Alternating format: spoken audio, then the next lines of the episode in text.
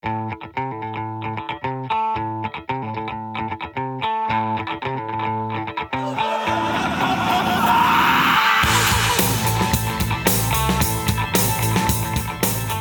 og velkommen til en ny episode av Filmfrelst, podkasten fra filmtidsskriftet Montasj. Mitt navn er Karsten Meinick, og jeg sitter her i dag med en sånn eh, vintage filmfrelst-gjeng. Martin Sivertsen, hallo. Hallo, hallo. Og Tor Joakim Haga. Ja, hei. Martin og Tor Joakim, jeg føler nå, sånn, nå er vi sånn eh, Vi er sånn retrofitted uh, podkastgjeng. Hvor, uh, hvor generasjonen som holdt på tidlig på 2010-tallet, er nå uh, samlet igjen uh, for første gang på lenge. Ja, en slags reunion, ja.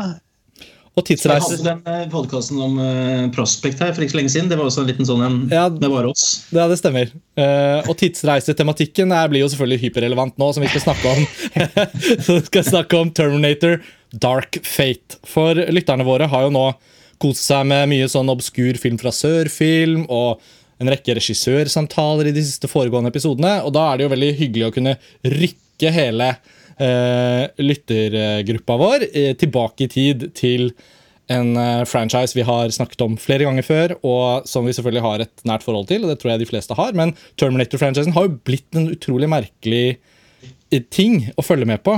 Eh, og Sist den ble diskutert, det var jo for fire og et halvt år siden. Da var ikke jeg med i episoden, men da snakket dere om Terminator Genesis, Martin. og da og, og da var jo på en måte det litt sånn retningen franchisen skulle ta med den eh, nye, eh, nye Sarah Connor, spilt av Emilia Clarke, og det var eh, Arnold skulle revitaliseres etter at han hadde vært guvernør osv. Hvordan tenker du på Genesis nå, som vi liksom er hoppet fire år frem i tid fra den?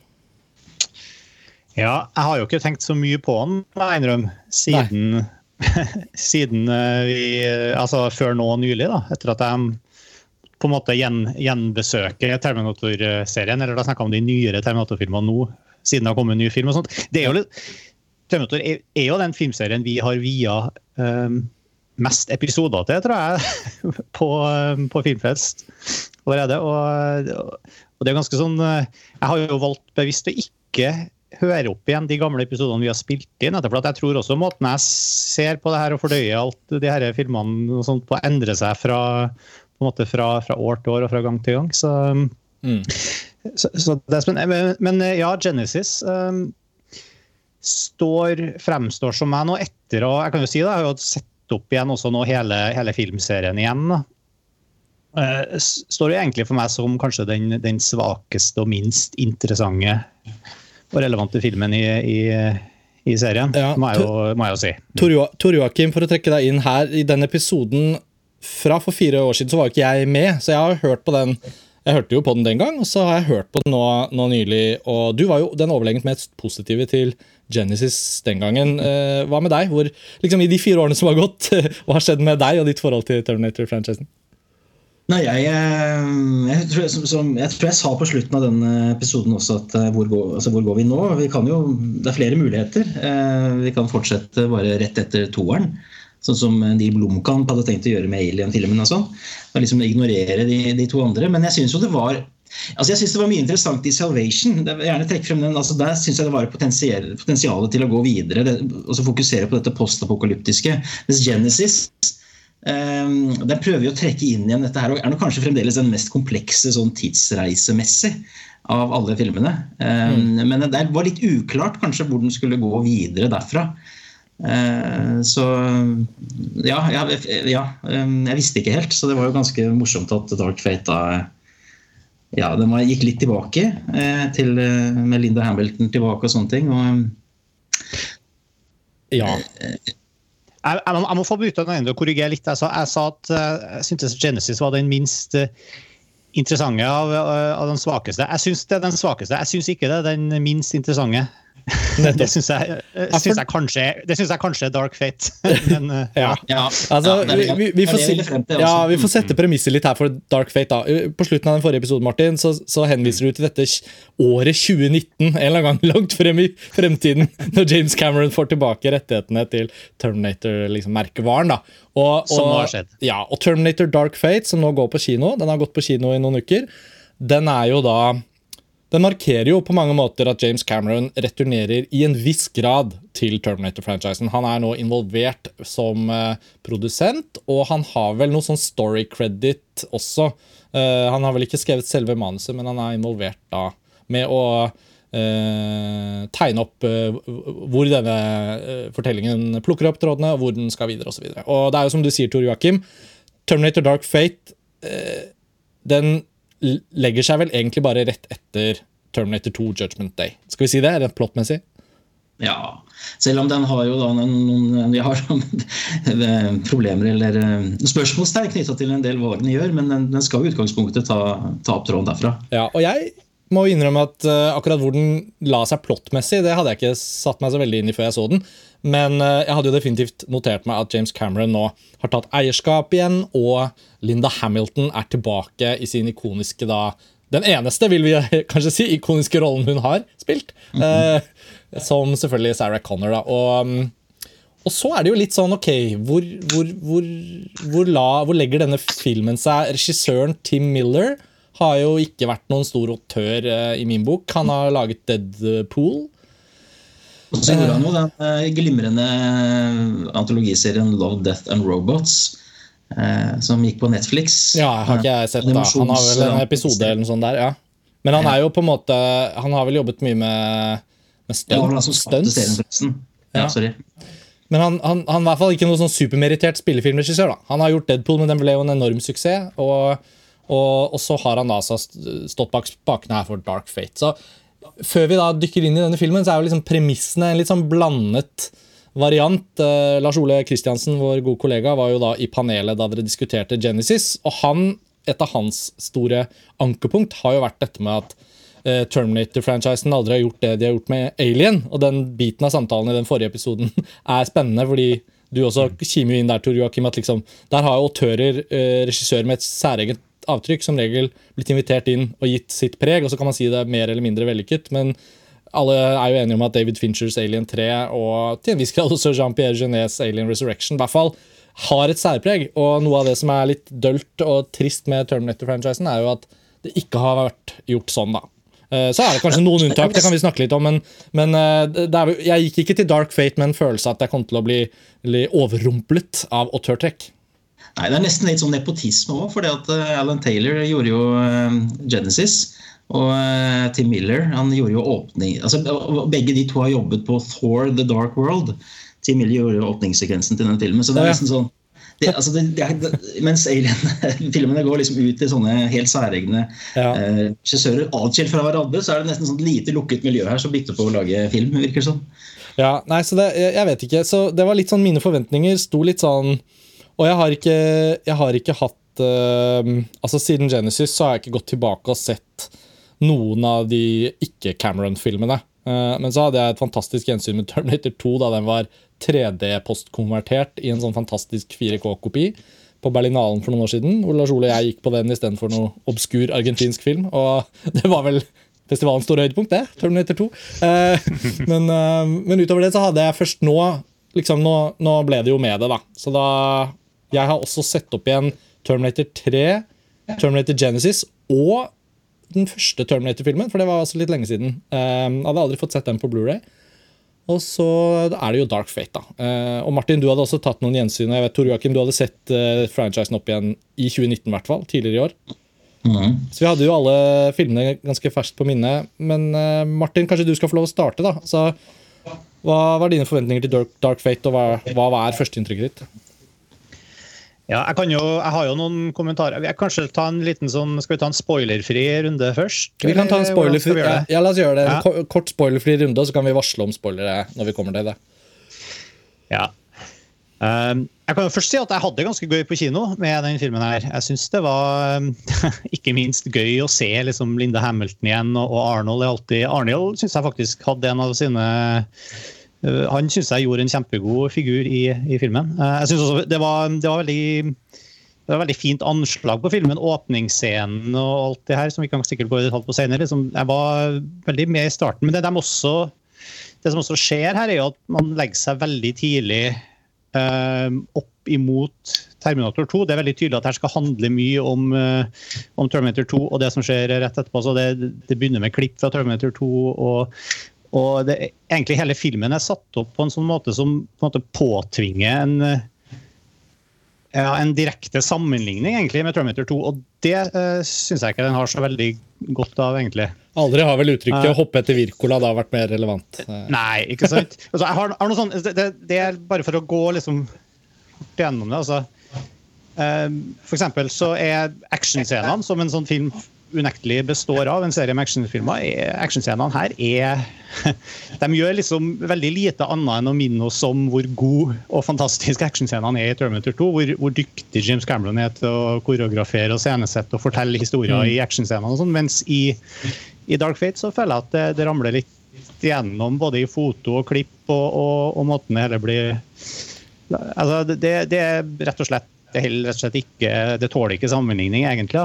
Um, jeg syns også at at uh, det som ikke er action, der hvor Terminator 2 liksom briljerer med å bryte opp denne rekken av actionscener med ja, ikke bare rolige scener, men også sånne små filosofiske grublere og, mm. og litt sånn egentlig ganske følelsesladde, liksom kontemplative scener. Mm. Det i den grad Dark Fate i det hele tatt liksom prøver på det og gjør det, så gjør den det rett og slett i form av liksom riherse og sitter og refererer til Terminator 2. Ja. Sånn, men egentlig bare som referanser. og det er også, altså, sånn for å jeg er egentlig ganske skuffa over at den filmen er så utrolig lite ambisiøs. Og, og, prøver på så veldig lite annet enn å bare holde på en måte, Det er veldig så tydelig at de er ikke interessert noe annet enn å holde franchisen i live her og, og referere tilbake til Terminator 2. Og, og, og som reboot så syns jeg heller ikke det er liksom det er ingen nye, gode rollefigurer her, egentlig. Selv om McKenzie Davies er kul og, og alt sånt, så, så eh, Det var en av tingene som slo meg etter å se igjen de gamle filmene. her. Jeg skulle gjerne sett mer filmer med f.eks. Claire Danes og Nick Stahl fra Terminator 3, som var liksom en veldig god reboot-materiale. synes jeg. Der hadde vi nye rollefigurer som lykt, det lyktes veldig godt i å få meg engasjert i. Men, mm. Eh, men her syns jeg ikke det fungerte. Så, det er liksom, ja, så er jeg ikke så utrolig begeistra. Selv om jeg hadde det ganske artig på kino som sånn popkornmateriale, så syns jeg det var gøy. Og, og bare sånn, det som var aller kuleste filmen, syns jeg var det ideen med Terminatoren som har liksom gått fra som har, drapsmaskinen, drapsroboten, som har blitt husholdningsapparat, på en måte. Ja. Og, som jeg synes var, som de heller ikke gjorde eh, noe spesielt mye ut av, egentlig, selv om det var ganske gøy. Tor Joakim? James Camerons idé, faktisk. Ja, Vil du plukke opp tråden fra Martin? Får vi høre litt fra deg da? Ja, altså, Jeg hadde jo store forventninger, men jeg bare er, er litt tatt inn i det, både fordi Cameron var mer involvert.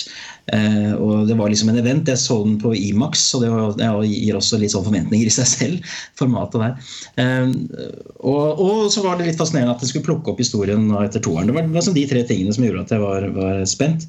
Eh, men i likhet med Martin så, så ble jeg flere ganger underveis i filmen påminnet om eh, egentlig hvor lite visjonær den var. Altså, eh, vi, Martin nevnte litt med, med actionsekvensene og sånn. Flere av disse actionsekvensene i filmen er jo, er jo altså forsøk på å liksom kopiere tidligere actionsekvenser fra de andre filmene. Til og med en referanse til Terminator 3, den fantastiske kranbilsekvensen i treeren.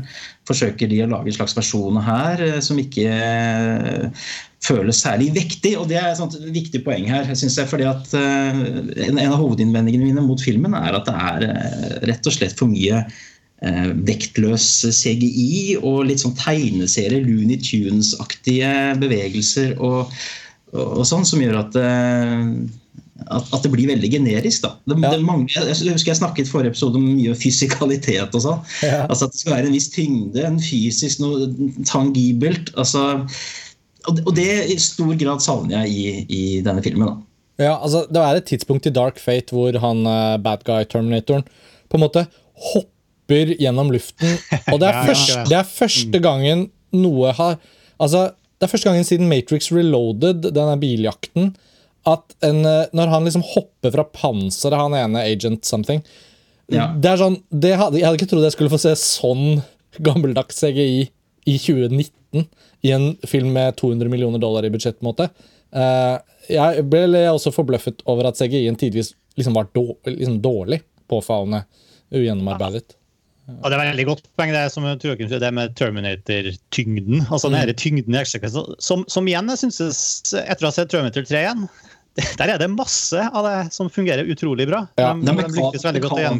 Ja. Mm. mekanisk akustisk, holdt jeg på å si. Det er sånn eh, man kjenner virkelig at vinduer knuser og jern eh, komprimeres. på en Ja, måte. ja. Det føler jeg man ikke helt gjør i, i Dark Fate. da. Jeg får kime inn, jeg òg. Jeg kan jo dessverre ikke bringe noe lys til denne samtalen. Jeg er jo veldig enig med dere to. Det, det, det blir kanskje ikke en sånn hårreisende debatt her om hva Tim Miller får til og ikke får til. Det er, det er trist å se at uh, det føles som lavbudsjett Terminator. Uh, og den er jo ikke lavbudsjett Terminator. De har brukt masse penger på den. Og det, det, har med ambisjoner å gjøre. Det har med viljen til å liksom utnytte universets muligheter. Da, til å både spekulere i teknologi og liksom tidsreiseaspektet. Men selvfølgelig også at det, at det veier noe. At metall smeller i bakken, som, som dere sier. Og det at selvfølgelig det er noe som står på spill. Da, og det følte jeg på sett og vis at det ikke egentlig gjorde. Og mitt hovedproblem da er jo egentlig at jeg ikke syns de nye karakterene i det hele tatt tilfører eh, noe, da, faktisk. Eh, ikke for å være veldig streng, jeg syns selvfølgelig også hun Mackenzie Davies er kul, liksom. Og denne Natalia Reyes som spiller hovedpersonen, hun, hun gjør alt hun kan, hun. Men jeg syns hun Det blir litt gjennomsiktig at manuset ikke er i nærheten av å være bra nok til å hjelpe henne eh, forankre nye, denne nye figuren, da. Så jeg bare kjente sånn at det var eh, ja, Det var veldig deprimerende egentlig å følge filmen, som ble gradvis mindre og mindre oppfinnsom også. Og så når den da på en måte på sitt beste egentlig bare gjenskaper Terminator 2-sekvenser, som selvfølgelig da blir dårligere enn originalen, da, ja, da er det ja, det er nedslående, rett og slett. Nå skal jo sies, jeg synes Selve ideen rundt den her bad guy-terminatoren, Rev 9, som den heter, eh, spilt av Gabriel Lune, er i seg selv så er det faktisk en god idé. altså En kombinasjon av eh, metall-exoskeleton-greiene og den eh, mer sånn eh, eh, væskeaktige flytende væskeaktige Terminatoren fra T1000. Så den prøver å kombinere de to, som i seg selv er for så vidt en spennende idé. Eh, Men, eh, men så veies det da opp eller ned men, i forhold til det vektløse. Ja, for, for der, Det er ganske interessant. for Det er, var jo for så vidt også den her eh, eh, Terminatrixen fra Terminator 3 var jo også Ja. det, Ja. på mange måter. Og, og det som er veldig, for, men det som, gjør, som skjer i Dark Fate, er at den roboten på en måte kan dele seg i to. Og, og fungere som to roboter samtidig. Men der synes jeg der ble, det var kanskje mer forvirrende enn det var en, jeg, jeg skjønte ikke helt hva liksom Hva er spillereglene der? Og exoskeletonet var jo veldig tannløst. Eh, Det var Ja. ikke noe å frykte det. Beveget seg sakte, hadde liksom ikke noe skills eh, overhodet. Da føler jeg liksom også at eh, eh, De har liksom ikke jobbet med ideen. Altså Hvis du skal ha en fet Terminator som tilfører noe nytt, og den kan dele seg i to, så burde de jo kombinert det med noen av de elementene som, eh, som har fungert best. da. Altså fra T2, konseptet om at noen av disse Terminatorene kan innta liksom kroppslig utseende til andre Det er jo ingenting som slår det bildet i Terminator 2 når eh, hun eh, stemoren har Står der med telefonen. Med, med melka, ja. Ja, men altså, det, liksom sånn, det, det sjokket husker jeg fortsatt fra da jeg var liten, av at det var mulig. Eller liksom sånn, den overraskelsen over det, det at du virkelig ikke visste hvor du hadde bad guyen. Da. Det var helt utrolig uh, fett å tenke på hvor skummelt det kunne bli. Og det er jo ingenting som gjenskapes i den uh, sjangeren her. Jeg synes det er så rart at ikke de leker mer med den, den greia der. Vi er vel over på spoilere, hører jeg nå. Eh, Men ja. Mm. Ja, Ikke helt spoiler, men vi kan godt si det at hvis, Ja. noen er, hvis noen er så opptatt av Dark Fate at de ikke har sett den ennå, og hører på den podkasten, det er jo en merkelig kombinasjon. Eh, alle, vi, alle vi som bryr oss, har allerede vært og sett den. Men ja, fra nå av så kjører vi spoilere, da. Men altså, det er jo eh, utfordrende, selvfølgelig. Og det er jo litt av det, når du først skal lage en film som handler så mye om liksom, Som rett og slett er det der hovedkonseptet i plottet. At her, her er det en Terminator man skal flykte på, og du har en gruppe som har en slags intern dynamikk som bare er drevet av den her drapsroboten som, som forfølger dem. Um, så altså, Du må på en måte finne på en, en, mer interessant og mer skremmende robot for hver film, ja, men men igjen, altså, det, det, det er så Jeg syns det er ganske fantasiløst da, å komme opp med denne roboten som, som verken er, er Den er jo ikke noe tøffere. Selv om den har de herre altså, De var inne på flere ting med noe tentak estetikk og sånt her. Og, ja, det er jo i, frem, sånn, i fremtidsnarrativet. Ja, ja, det var ikke, ja, ikke sant? Men det var jo vel den samme modellen um, som holdt på med det der, så vidt jeg har skjønt. Ja, okay. men, uh, men, men, men, der så Altså, en da, i, i flere av de andre filmene prøvde alltid å tilføre noe litt nytt. Da. Altså Genesis, uh, uansett, altså der hadde de i hvert fall konseptet med AI-en som merga med John Connor og ble en slags altså, jeg vet ikke om jeg syns det var sånn, sånn supervellykka, men der var det i hvert fall en, eh, et forsøk på å trekke det i noen nye potensielt interessante retninger. Da. Hva, hva den roboten bestod i. ikke sant? Eh, ja, altså, jeg fikk sett Genesis i går, mm. og eh, jeg syns jo ikke akkurat den uh, hadde noe voldsom filmatisk kraft å imponere meg med. Det var mitt da andre gjensyn. Så den originalt på kino da den kom, og så nå. Men uh, den tematiske utnyttelsen av Skynet-konseptet det var jo faktisk en Altså, det er jo ordentlig bra. Og det er jo på en måte enda mer relevant i 2019, føler jeg, da, med tanke på hvordan uh, vi har liksom hengitt oss og gitt bort alle dataene våre til disse sosiale medier. Altså, så jeg vet ikke, jeg følte liksom Nå er det ikke så lenge siden 2015, selvfølgelig, men men uh, det, det, står seg, da. Og det føler jeg er en sånn nøkkelting som mangler fra Dark Fate òg. At Skynet ikke er Skynet lenger, men er blitt til noe som heter Legion. Det blir jo ikke utforsket i det hele tatt. Uh, det er skuffende, syns jeg. Det er jo liksom og, Ja, for det kunne, liksom bare, det kunne bare vært Skynet. Det er jo, det ja, det, herregud, det er jo, ja, og det, det, det, skal Genesis ha, da. Der prøvde de i hvert fall å prøve å diskutere mm. hva annet kan Skynet være, liksom. Uh, det var også gøy å se Terminator 3 om igjen. fordi for det første, Den filmen er jo kjempebra. Det, jeg likte den da den kom, jeg, men den, jo, den står seg jo kjempebra. Uh, det er jo selvfølgelig påfallende å se på den nå.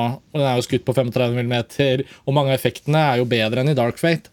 Og, og den er jo kort i den forstand at den er jo en kjempetight actionfilm.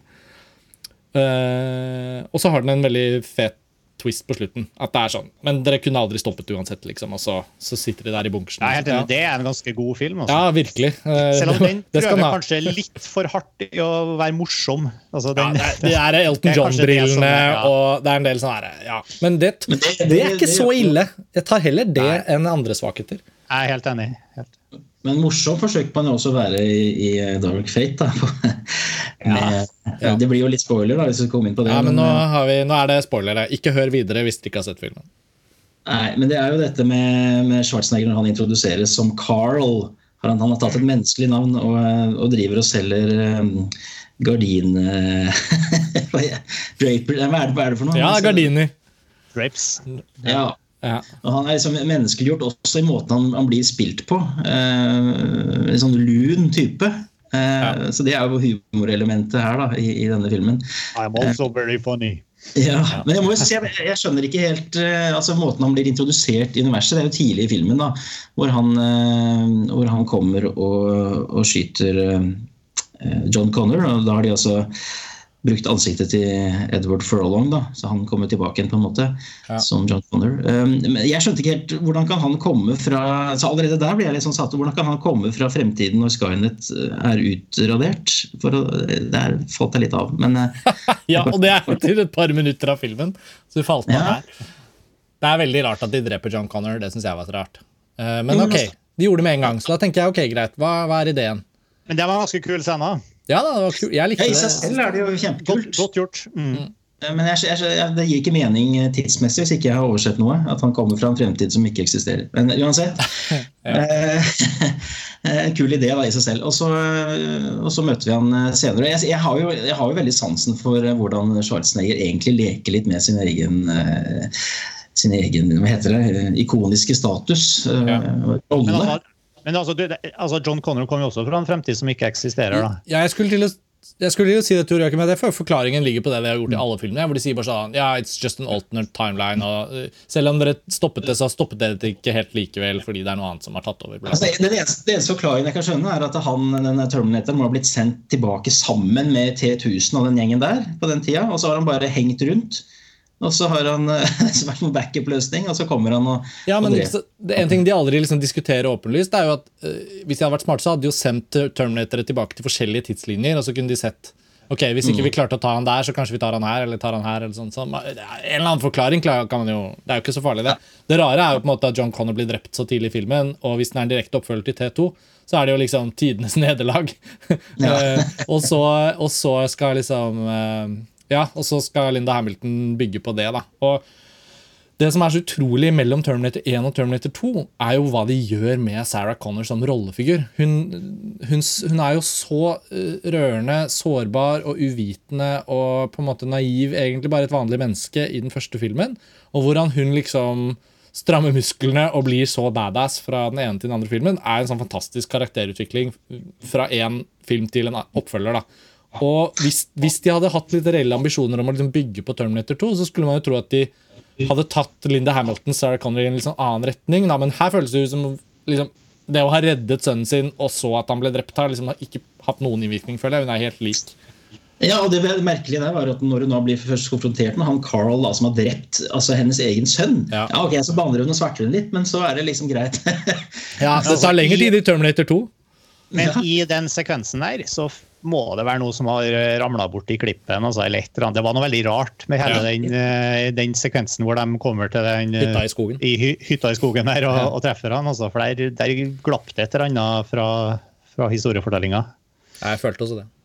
Ja. Da hadde jeg for så vidt hadde falt av allerede litt, må jeg innrømme. da. Fordi Jeg vet ikke hva med dere, men altså denne Daniela Dan Danny hun, eh, altså Hele den eh, meksikanske tråden med henne og den familien og det, det føles så påtatt at ikke de forteller henne hvorfor hun må reddes. At det skal Ja. holdes på i en og en halv time. Og så er det ikke liksom noe særlig Det er bare sånn eh, Det viser seg at du er vår motst- liksom opprørsleder. Så sånn, ja, selvfølgelig er det det. Altså, det er litt sånn rart at ikke ja, Det synes jeg, det begynte å irritere meg ganske tidlig. da. Hvorfor, det er jo ikke noe mystisk. Dette er en helt ny rollefigur. Kan dere ikke bare si hva greia er, og så kan vi engasjere oss i hennes skjebne? liksom? Men, Ja, eh, Det har jo vært diskusjoner om eh, liksom kontroversielle diskusjoner om akkurat det elementet på sånne fora sånn, jeg har lest. Hvor, Ja. sånn, sånn voldsom sånn refeminisering av universet, hvor det er tre, først disse tre kvinnene, og så er det ikke en ny John Connor, men det er en kvinne selvfølgelig Ja. som blir en ny det, det er bare kult. Jeg ønsker det velkommen. Hvorfor ikke? liksom? Sarah Connor har alltid vært den kuleste rollefiguren ved siden av Terminatoren. Liksom. Altså, det er jo de to som er de to ikonene, eh, for meg i hvert fall. Og så, Jeg syns den TV-serien for eksempel, også var ganske bra. Den satte Ja, den er bra. Ja, den, og den har også tål, holdt seg veldig godt sånn Nå har jeg ikke sett den om igjen, men, men det at den liksom ikke ble Den, den fikk jo ikke så mange sesonger, så den, den kunne jo ikke liksom ende opp med noe sånn ræva sjuende sesong. liksom. Den, den er ganske tight og, og bra. Eh, Jeg er sikker på at hvis man hadde sendt den liksom eh, Jeg vet ikke strømmetjeneste den er tilgjengelig på nå, men, men hvis den hadde liksom kommet opp igjen i samtalen, så tror jeg folk hadde blitt litt sånn wow, det var jo ganske bra. Ja, så er det jo kanon, på en måte. Det er jo en del av eh, selvfølgelig. i tillegg. Så. Mm. Selvfølgelig. Slår meg at jeg egentlig burde ha dem på Blu-ray Det er litt dumt å ikke ha kjøpt. Plutselig så forsvinner det i strømmetjenestens svarte hull. men, eh, men Dark Fate har jo da det andre aspekter. Jeg, jeg, jeg, hva er det James Cameron egentlig har bidratt med her, Tor Joakim, hvis du har gjort litt research? Nei, Jeg har ikke gjort mye research. Det er bare det er, som sagt, den her ideen at Carl er sånn eh, gardinsalgsmann, er visstnok Cameron. da. Eh, om, han hadde vel kanskje en annen idé for hvordan akkurat den scenen ble utført, muligens. Men eh, jeg vet at Han han har kanskje overtalt eh, kona si til å være med? Ja, det kan du si.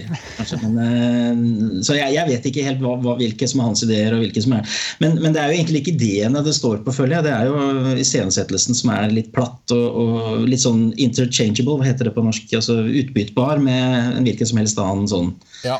uh, uvisjonær uh, Ja, men jeg syns det står på, på idémangel her òg, jeg, altså.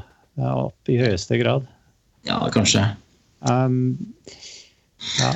Nei, men, men, altså, men det er jo en, akkurat den her Når Arnold kommer Ja, det er litt merkelig, hele introduksjonen av ja, Nå snakker jeg ikke om den første introduksjonen, men den eh, halvveis ute i filmen her. Mm. Men det, det er jo også på en måte Jeg syns Arnold eh, gjør det godt, altså. Han spiller, jeg syns det er en veldig god god sekvens, egentlig. Det er bare at alt er så, det er så lite, det er utnytta så lite, hele det, og det er så rart, alt sammen. Altså, ja, den her familien og det her eh, altså det er noe veldig gøy for så vidt med at Arnold Schwarzenegger, som liksom har brukt hele livet sitt på å spille drapsrobot og actionhelt og sånt, har Han har jo sjøl prøvd, prøvd, å stifte familie og levd et vanlig menneskelig liv, men eh, nå liksom my, my past has caught up to me, og han må tilbake og spille Terminator igjen. Og, det, er litt... og sånn, det, det, er gøy, for så vidt. Og, og han, han, er morsom også i den rollen eh, i den filmen, her, men, eh, men, men de glemmer det fort og bare hopper videre. og, liksom det, I motsetning til alle de andre filmene her, det er inkludert Terminator Salvation, som liksom og, som, som, ikke så mange likte i hele tatt, men som faktisk prøver å, å angripe angripe nye aspekter ved Terminator-universet og, og, liksom komme med nye poenger og eh, gå videre med, med, ja, med kanon, på en måte. Og, og, prøve å skape nye historier i nye settinger i, innenfor de rammene, så syns jeg ikke liksom, de, de, prøver ikke engang her, da. Nei, det er veldig skuffende. Akkurat det Akkurat det føler jeg liksom er de, Hvordan kan de tro at, at det holder å bare liksom lage en sånn blek kopi? Det skjønner jeg ikke. Det er spesielt litt skuffende fordi Schwarzenegger selv i de siste årene har jo utforsket andre typer roller i filmer som Maggie og Aftermath f.eks. Mer sånne seriøse roller. Så han har fått et litt bredere spekter å spille på. Det hadde vært kult om man kunne brukt det også i en, i en mer sånn ikonisk altså bruke det også i en ikonisk actionrolle som dette. Men det, det forsvinner litt. Mm. Dessverre. Men, øh, og, og, og, spørsmålet er også sånn ja, hva, det, det, var sånn dere avsluttet forrige episode òg, eh, siden jeg nylig har hørt den. Så, hva, hva, gjør de nå, liksom? Uh, for nå har den jo ikke, Dette har heller ikke blitt en så stor suksess, for det er altfor dyr film. Hvis du, hvis du, bruker 200 millioner dollar på å produsere filmen, så må du jo til slutt selge billetter for jeg vet ikke hvordan det er i dagens marked, men liksom 400-500 ja, millioner dollar. Og ja. Ja. Det er ikke noe rart. Hvem er det som skal se denne filmen? her? Det er jo sånne som oss. Og det er jo veldig tydelig at de Ja, det her er i og med at de mest interessante rollefigurene er fortsatt er Linda Hamilton og Arnold Schwarzenegger.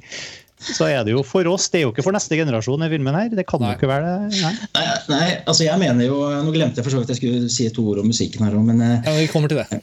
Ja, men, men altså, jeg, ser jo, jeg, jeg, vil jo gjerne, eh, nå som jeg har sett denne filmen og sett hvor de har tatt universet, så skulle jeg ønske at man kunne komme tilbake til et mer sånn leant og mint, altså tight univers.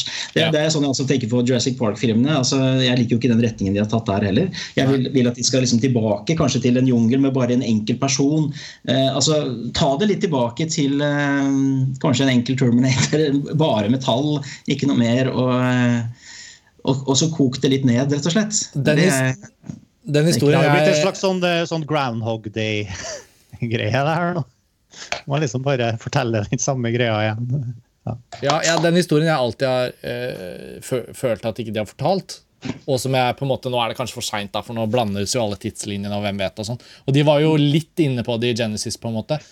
Men den uh, fortellingen frem til det sendes noen bakover i tid, da, Altså Fortellingen liksom når John Connor eh, blir opprørsleder, eh, og kanskje er Salvation litt, eh, litt, den filmen som dekker det.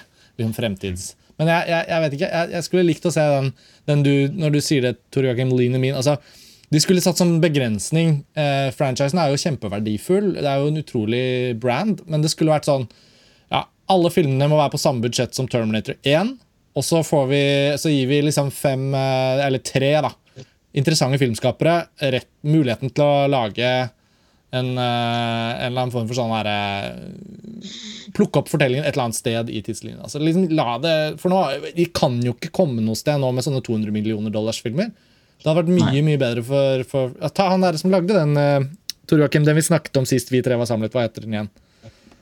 Hvilken tenker du på nå? Nei, den science fiction-filmen som var sånn lavbudsjett. som vi snakket om. Du nevnte den i Prospect? Ja, Prospect, da. Ikke sant? Ta typ sånn, sånn en sånn type filmskaper da, som evner å, å, skape faktisk en interessant, tross alt på tross av sine svakheter, interessant science fiction-fortelling liksom innenfor veldig begrensede rammer. Jeg, jeg, kunne likt noe mer i den retningen, hvis de skal fortsette. da. Uh, Lars Ole ønsket jo i forrige episode at uh, James Cameron skal ta tilbake rettene, rettighetene og så begrave dem og si der blir aldri noe mer. jeg vet ikke. Ja, Hva tenker dere?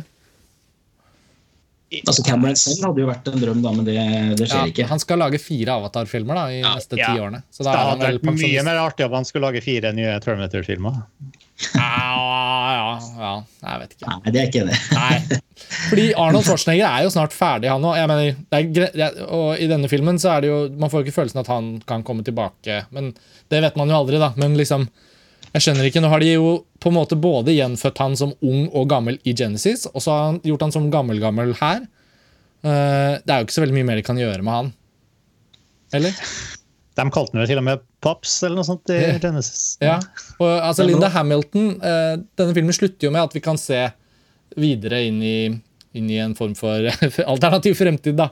Med Linda Hamilton og med hun eh, eh Natalia Reyes. Reyes.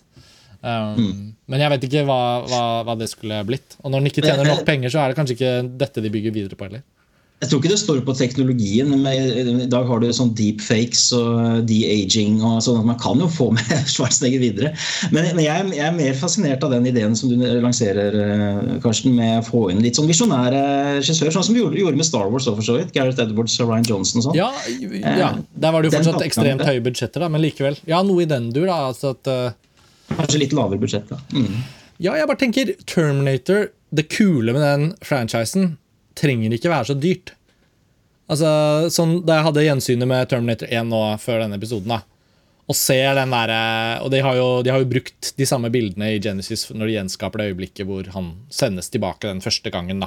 Når de lynstrålene spraker, og, og det begynner å blåse løse objekter på bakken, og så, så sitter liksom Terminatoren der naken og skal få seg noen klær. Altså Det premisset der hvis, Enhver film som begynner sånn, er jeg jo hypp på å se.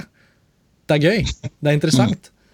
Og, og kanskje, sant, kanskje, kunne lekt helt Gjort det til en helt sånn tidsreise-franchise hvor de kunne spilt på det på en helt annen måte. da Dratt lengre tilbake i tid, hatt helt andre typer missions. Uh, uh, og prøvd å si noe. Jeg tror det er viktig at disse filmene prøver å lage noen tematisk diskusjon som er relevant for vår tid. Det gjør faktisk Genesis, og det skal den filmen ha. Da jeg så den, så kjente jeg liksom Oi, det er faktisk en tematikk, liksom. Ja, og det gjorde jo Terminator 2 òg. Ja, definitivt. I, i tidlig på 90-tallet. Og det gjør jo ikke Dark Fate, men, men også liksom ikke det hele måte, tatt. Og, men Terminator 3 gjør jo også det. på en måte, den, den altså, Det problematiseres jo hele altså, Terminator 2 hadde jo No fate but what we make, ikke sant? Men så er det jo det her Men, men har vi egentlig det? Og og den er jo ganske dyster, Terminator 3, i Ja, den er jo kjempedyster. I, i hvert fall i avslutninga. Ja, til den filmens heldige altså Den, den, ja, den har jo tolv tidens tann veldig bra. Ikke sant. Uh, og, og, Salvation har jo også mye på hjertet, føler jeg, selv om den er jo så blotta for humor at det, det er liksom, den er litt vanskelig å se. Ja, jeg, jeg, jeg burde egentlig kanskje sett den om igjen, men jeg hadde liksom ikke tid. Og Det er den jeg var minst nysgjerrig på å se om igjen. Men den har, den har ting på gang, den òg. Mm, jeg er veldig glad i den. Ja, um, skjønner. Nei. Nei. Nei, men det er, eh, det er, jo dette med at det er blitt for stort for seg selv litt, og mistet litt av visjonene på, på veien. og da, Det er jo også et passende tidspunkt jeg kan bare si to ord om, om musikkbruken her. Ja. Eh, fordi eh, det er jo da Tom Holkenborg eller Junkie XL som har skrevet den. og Det var i utgangspunktet et interessant eh, valg, castingvalg av komponist. fordi eh, i forhold til dette perkussive elementet som jo alle filmene har hatt. og sånn, Alle husker jo hva Junkie XL gjorde i, i Fury Road, som fantastisk. Ja. Så så, så, det var bra casting, men så, så, går man litt i den fellen at alt skal bli mye større og, og hardere og mer heavy metal-aktig. Og det funka ikke helt, eh, syns jeg, i denne filmen sammenlignet med de litt sånn der, sånn sirlige, høyfrekventerte metalliske lydene som Brad Fidel skrev til i hvert fall de to første. Mm. Så, så, også musikken jeg følte jeg ble litt oppslukt i eh, eksessen, den liksom negative eksessen. Ja, jeg, jeg, jeg ville ikke kunne gjenskapt noe av den musikken i form av nynning. Eh, bortsett fra at jeg kunne høre Jeg, kunne, jeg hadde ikke lest faktisk hvem det var som hadde komponert, men det tok kanskje noen minutter, og så kom det noe sånn eh, Junkie XL-aktig. Som ja. selvfølgelig dessverre føles litt sånn B-versjonen av, uh, av Fury Road. da Bare fordi det var så ekstremt, ekstremt ikonisk og bra musikk. Og så prøver han seg med, med, med sånn der spanske gitarer, altså Terminator-temaet til Fidal har spilt med ja. spanske gitarer, sånn, men uh, jeg syns det var litt sånn hokey, det også. Så ja, nei, jeg var ikke så veldig begeistra for den, uh, den, heller, altså. Nei, altså jeg konklusjonen min rundt Dark Fate var jo til slutt litt sånn at jeg egentlig nesten ikke syntes det var noe som fungerte, utover Arnold og Linda Hamilton. Bare det å liksom se dem, da, og liksom at, at de var der og gjorde maks ut av situasjonen, liksom. Men, men alt det nye er jo egentlig bare forglemmelig. Eh, og det er så synd, for jeg syns også at hvis du har eksempel hun Grace-karakteren som, som, eh, som blir reddet som barn altså Det er mange sånne elementer som, som egentlig har vært i de tidligere filmene òg. Og liksom hele den koblingen mellom at man er et uskyldig barn, og så skal man bli en, en eller annen som voksen. Det er jo noe som, som alle filmene på sett og faktisk har forsøkt seg litt på tematisk. da. Alt, alle, alt med han lille Kyle Reece i Genesis syns jeg er veldig merkelig. At de skal liksom tilbake til han og snakke med han på slutten. og sånn, Det syns jeg var litt rart. Men, men, øhm, men også han Hva heter han i Salvation? Han, er det han Anton Yelchin som døde? Som spiller han øh, Eller er det en annen som spiller han Smo? Fall, det Er er, det han lille Er det han Star du tenker? At det var en liten sånn Ja. en gutt? Ja. Jeg tror det er han. Men uansett, det er i hvert fall til stede i alle filmene, på sett og vis, og det er kanskje minst til stede her. Fordi hun, eh, Natalie Reyes ikke føles så ung. Og, og det med Grace i fremtiden, eller i hennes barndom og sånn, er bare så vidt. Så toucher man inn på det helt til slutten igjen. Da. Så det er bare sånn eh, Det er så synd at de legger alle disse ressursene inn, og så har de liksom ikke egentlig funnet ut hva de skal fortelle. Og, og da f- Nå, Det er også, det er også, ja, det er også litt, litt trist å tenke på. på en måte, for Hvis man ser eh, Terminator 2, og, og, så, er jo, så er jo dette på en måte den, den offisielle fortsettelsen eh, av den historien. Eh, altså, så, når man da ser Terminator 2, og sånn, så, vet man, og så vet man jo liksom på en måte hva som skjer, og det er Dark Fate-universet som venter Mm. dem. Eh, og det, det er litt sånn nedtur, da. For, Men for det kan man jo raskt endre på. Hva sa du? Ja, det er bare endrer de på det. Det kan man raskt Ja, du kan ha alternative tidslinjer og sånn, men når du først hadde liksom eh, Hamilton og Schwarzenegger tilbake, så ja. Helt seriøst, etter å ha sett Terminator 3 om igjen, så er det sånn Er det én rollefigur jeg skulle sett duk, likt å se dukke opp igjen, så ville det jo vært hun er Terminatrix til Christina Loken. ja. Altså, eh, Med tanke på at hun også bare totalt forsvant og aldri liksom dukket opp i noe bra film igjen, så er det jo også interessant hvor faktisk bra utført den figuren er i den filmen. da. Jeg syns alle rollefigurene der fungerer. Også Ja, og Claire Danes er jo kjempe... og Claire Danes, ja, ja. ja, ja, ja, Stahl og Claire altså, sånn, jeg, det den fil Hvis jeg skulle valgt noe nå, hvis de skulle gjort et eller annet, så skulle de bare fulgt opp Terminator 3-tidslinjen og, og, og kansellert de andre. Og så, og så skutt det på film. Og bare liksom plukket opp Og Nick, eh, Nick Stahl og Claire Danes er jo fortsatt tilgjengelig. Og... ja, Jeg tror ikke det, tror ikke det går sånn veldig bra med han Nick Stahl. Nei, jeg kanskje ikke. uh, hvis jeg husker rett, uh, at han har hatt litt trøbbel. Det er jo en, uh, det er jo en forferdelig Ja, det er jo en liksom forbannelse, nesten, det. Edward Furlong gikk det jo dårlig med. Og, men de lever, alle sammen. altså. Men jeg tror ikke, han, jeg tror ikke det er så mye Ja. futt i han. Dessverre. Claire Danes derimot kunne jo, hun kunne jo tatt over hele franchisen alene. For hun er jo etter Homeland sånn, så er jo hun bare Hun har jo bygget seg noen slags superstar eh, Ja, hennes karriere har jo også- Ja. gått, det har jo så gått så bra, så ja. Ja ja. Nei, uff, dette ble jo litt deprimerende, da. Um, Ja, jeg, jeg har jo ikke jeg, jeg, tror underholdningsverdien var større enn de negative bemerkningene kanskje skal, skal tilsi. For jeg har jo Ja, hva- hva kan vi si jeg- som er positivt, da? Men Mye jeg likte i opplevelsen for så vidt av å se den på, på kino, det spektakulære og sånn, men det, det var liksom i forhold til det, det terminatorske. Så at det, det, det svinner litt, da. ja, Men helt seriøst, hvis vi skulle avsluttet med noe positivt, hva ville det vært for dere? Jeg sliter med å finne det.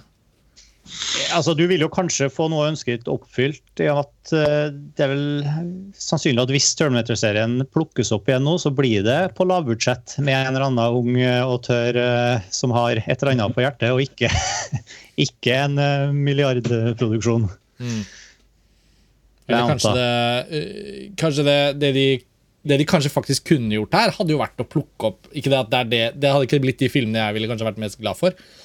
Men det er rart at ikke man ser flere sånne franchiser forsøke seg på en sånn Marvel Cinematic Universe-aktig. da. Og, og liksom, Istedenfor å bare lage én film som skal fungere, som de putter masse penger inn i, så kunne de jo heller sagt ok, nå skal vi ha en slags showrunner da, som eh, staker ut en, eh, en At du linje. introduserer nye ting? Altså sånn Ja, ja, time, altså- time Cop. Nei, men sånn, ikke sant, at du sier ok, nå skal vi ha seks filmer som skal fungere, og vi skal fokusere utrolig sterkt på kule rollefigurer, bygge opp smarte rollefigurer som, med karismatiske skuespillere, sånn som de har gjort med Marvel.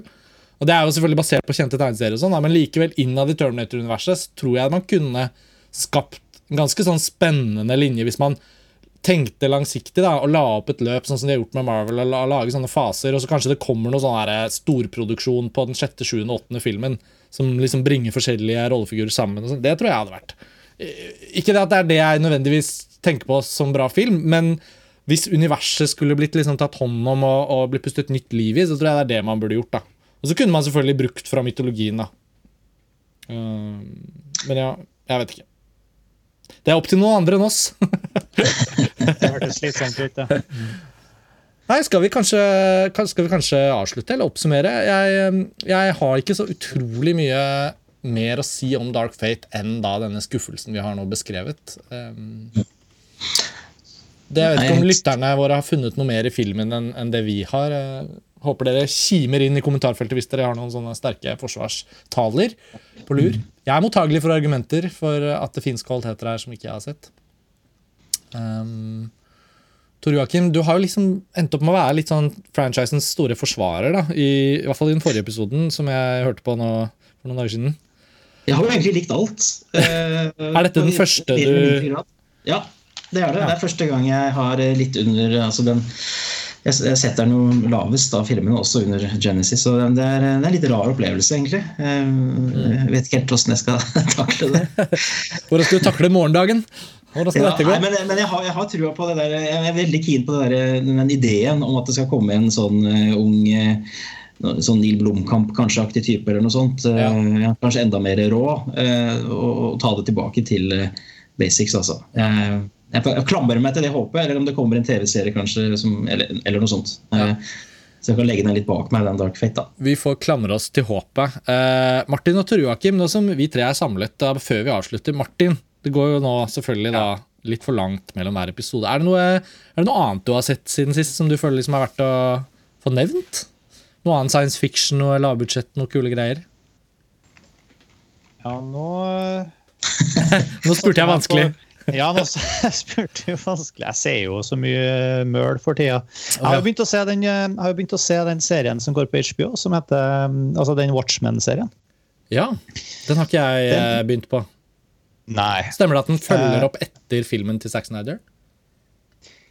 Ja, den foregår jo litt i, flere tidsepoker, egentlig. Eh, men den tar jo Jeg skal ikke si at den slekter så veldig mye direkte på filmen til Zack Snyder. Den, eh, men den, den, den, har jo satt en sånn handling i det universet her, og den er veldig sånn eh, Hva skal vi si Litt saktegående og litt eh, cerebral, nesten. Altså, den gjør veldig mye ut av eh, ut av seg, og Det handler mye om, om, om rase og, og samfunn. Og, og er, ja. det, er noe, det, er noe, helt annet. og Jeg har sett bare så få episoder enda at uh, jeg liker det, men jeg har ikke helt uh, kommet ordentlig under huden på hva den serien her egentlig vil for noe, og hvor den skal. Men jeg syns det er interessant. Ja, det. det hørtes ut som en anbefaling. Ja. Så, så den, den, har mye på hjertet, i hvert fall. Jeg er fortsatt litt nysgjerrig etter å finne ut hva det egentlig er. Apropos Skynet, så kan jeg kime inn at eh, det kommer en norsk eh, dokumentarfilm på kino til vinteren, eller på nyåret, som heter I Human. Ja. Og, og den, eh, den, filmen ble vist på et sånt uh, seminar for Den kulturelle skolesekken, så det, den har ikke hatt premiere, da, så det er kanskje for tidlig å si noe om den. Men jeg fikk sneket meg inn for å se den, og den skal ha verdenspremiere på dokumentarfilmfestivalen IDFA nå bare om noen dager. Eh, så da kommer det sikkert noen første reaksjoner uansett. Men jeg kan i hvert fall si at det er en dokumentarfilm om hvor langt menneskeheten på ordentlig nå har kommet med kunstig intelligens. Og det er den skumleste filmen jeg har sett på flere år. Det var ekte skummelt. Eh, og da apropos liksom Terminator og Skynet og den fiksjonen, liksom. Eh, det var ikke langt unna. Altså det virket som en veldig troverdig film. I Human, en norsk dokumentar. som sagt, Tonje Skei som lagde 'Drone' som har laget denne. Og jeg bare, ja, jeg fikk sånn skikkelig frysninger på ryggen av å tenke på hvor langt for kineserne har kommet med sånn ansiktsgjenkjenning i overvåkningen og algoritmer. Altså, du snakker om sånne deepfakes, Tor Joakim. Da. Sånne mm. morsomme, morsomme, apps hvor vi gir bort rettighetene til ansiktene våre, og de ansiktene går rett inn i databaser langt borti Gok, hvor de blir brukt til å lære opp maskinene til å kjenne igjen ansiktene våre bedre. Altså sånn Ja, det, det var rimelig uh, ubehagelig. Så jeg tenker sånn uh, Tonje Skeis I Human, det er liksom Terminator-oppfølgeren. Uh, for 2020, i hvert fall. Så jeg, kan bare Og jeg tror Ja. Det, det, var, det var noe sånn ubehagelig over filmen, så det er nesten litt vanskelig å anbefale den nå. Men jeg, den var jo ekstremt bra laget. Og ja, Det er bare å, gru, det er bare å grue seg, for å si det sånn. Jeg er ikke så veldig bekymra for ansiktsgjenkjenning, for uh, Mimetic Polyalloy er jo rett rundt hjørnet. Så da vil ikke det være så relevant. ja, du holder jo på med VR eh, fortsatt, Martin, og er jo inne i teknologiske teknologiske elementer. Hvis vi skulle avsluttet med noe, hva, hva, av, sånn teknologi vi kan se konturene av da nå, hva, hva, er det noe av det som Terminator-franchisen kunne, kunne, dykket inn i, som ikke bare handler om artificial ikke bare intelligence? Om AI. Ja, altså, Terminator eh, er jo veldig opptatt av nettopp yndlingsordet til Tor Joakim. Fysikalitet, maskin, metall. Ja. Det er jo veldig lite virtualitet i Terminator-universet til å være så maskin- og dataopptatt. Så det, det, er jo faktisk en retning som kunne vært eh, spennende. altså. Ja. Eh, det digitale domenet er Det ble så vidt toucha inn på i Genesis igjen, som, som, som toucher inn på mye. Men, men, her er det jo ja, det, det er et område som ikke er utforska i det hele tatt av, av Terminator. Så hvis, Dis så hvis, Disney hadde eid Terminator-franchisen, så kunne de hatt Tron versus Terminator som en sånn ny Ja, ikke sant? Jeg tenkte på Black Hat. Altså den, ja. det inn Ja, ja, Black Hat er også en film som står seg utrolig bra nå som det har gått noen år. Eh, altså Matrix-versjonen av Terminator. Mm, mm. Ja, for Matrix er jo den, den, har jo også plukket opp veldig mye arven fra Terminator ved å De første filmene De, de klarte jo å holde den derre nå skal jo han eh, Hun, mener jeg. altså Nå skal jo Wachowski Den ene av Wachowski-søstrene skal jo nå eh, reboote Matrix med de originale skuespillerne. Så det blir jo også noe å følge med på, hva de kommer til å gjøre der. Men, men det er kanskje best at disse franchisene lever side om side. At ikke man blander dem altfor mye sammen. Men, men den uh, fysikaliteten de klarte å kombinere med det virtuelle i The Matrix, det er jo liksom en del av den filmens store mesterstykke. I hvert fall den første. Så får man ta noen sånne hoppende agenter i CGI og svelge det. På vegne av den store filosofiske diskusjonen. Ok, gutter, skal vi, skal vi, avtale, skal vi avtale, å møtes igjen neste gang det dukker opp en, eh, en science fiction-franchise vi er glad i? Ja. Eh, eller kanskje før. Eh, det har vært veldig hyggelig å ha dette panelet samlet igjen, syns jeg. Vi har jo møttes over Skype og håper at lydkvaliteten har holdt noenlunde bra mål for dere kjære lyttere. Martin og Tor Joakim. Hvis ikke, vi, hvis ikke vi møtes igjen til en ny episode før jul, så kan vi jo si at det nærmer seg jul, og vi får ønske hverandre god jul. Det tror jeg faktisk vi må gjøre. Det er første gang jeg sier det i år. God jul, da. Og så første gang her. Ja. Godt nyttår. ok. Ha det bra, da. Ha det bra. Ha det bra.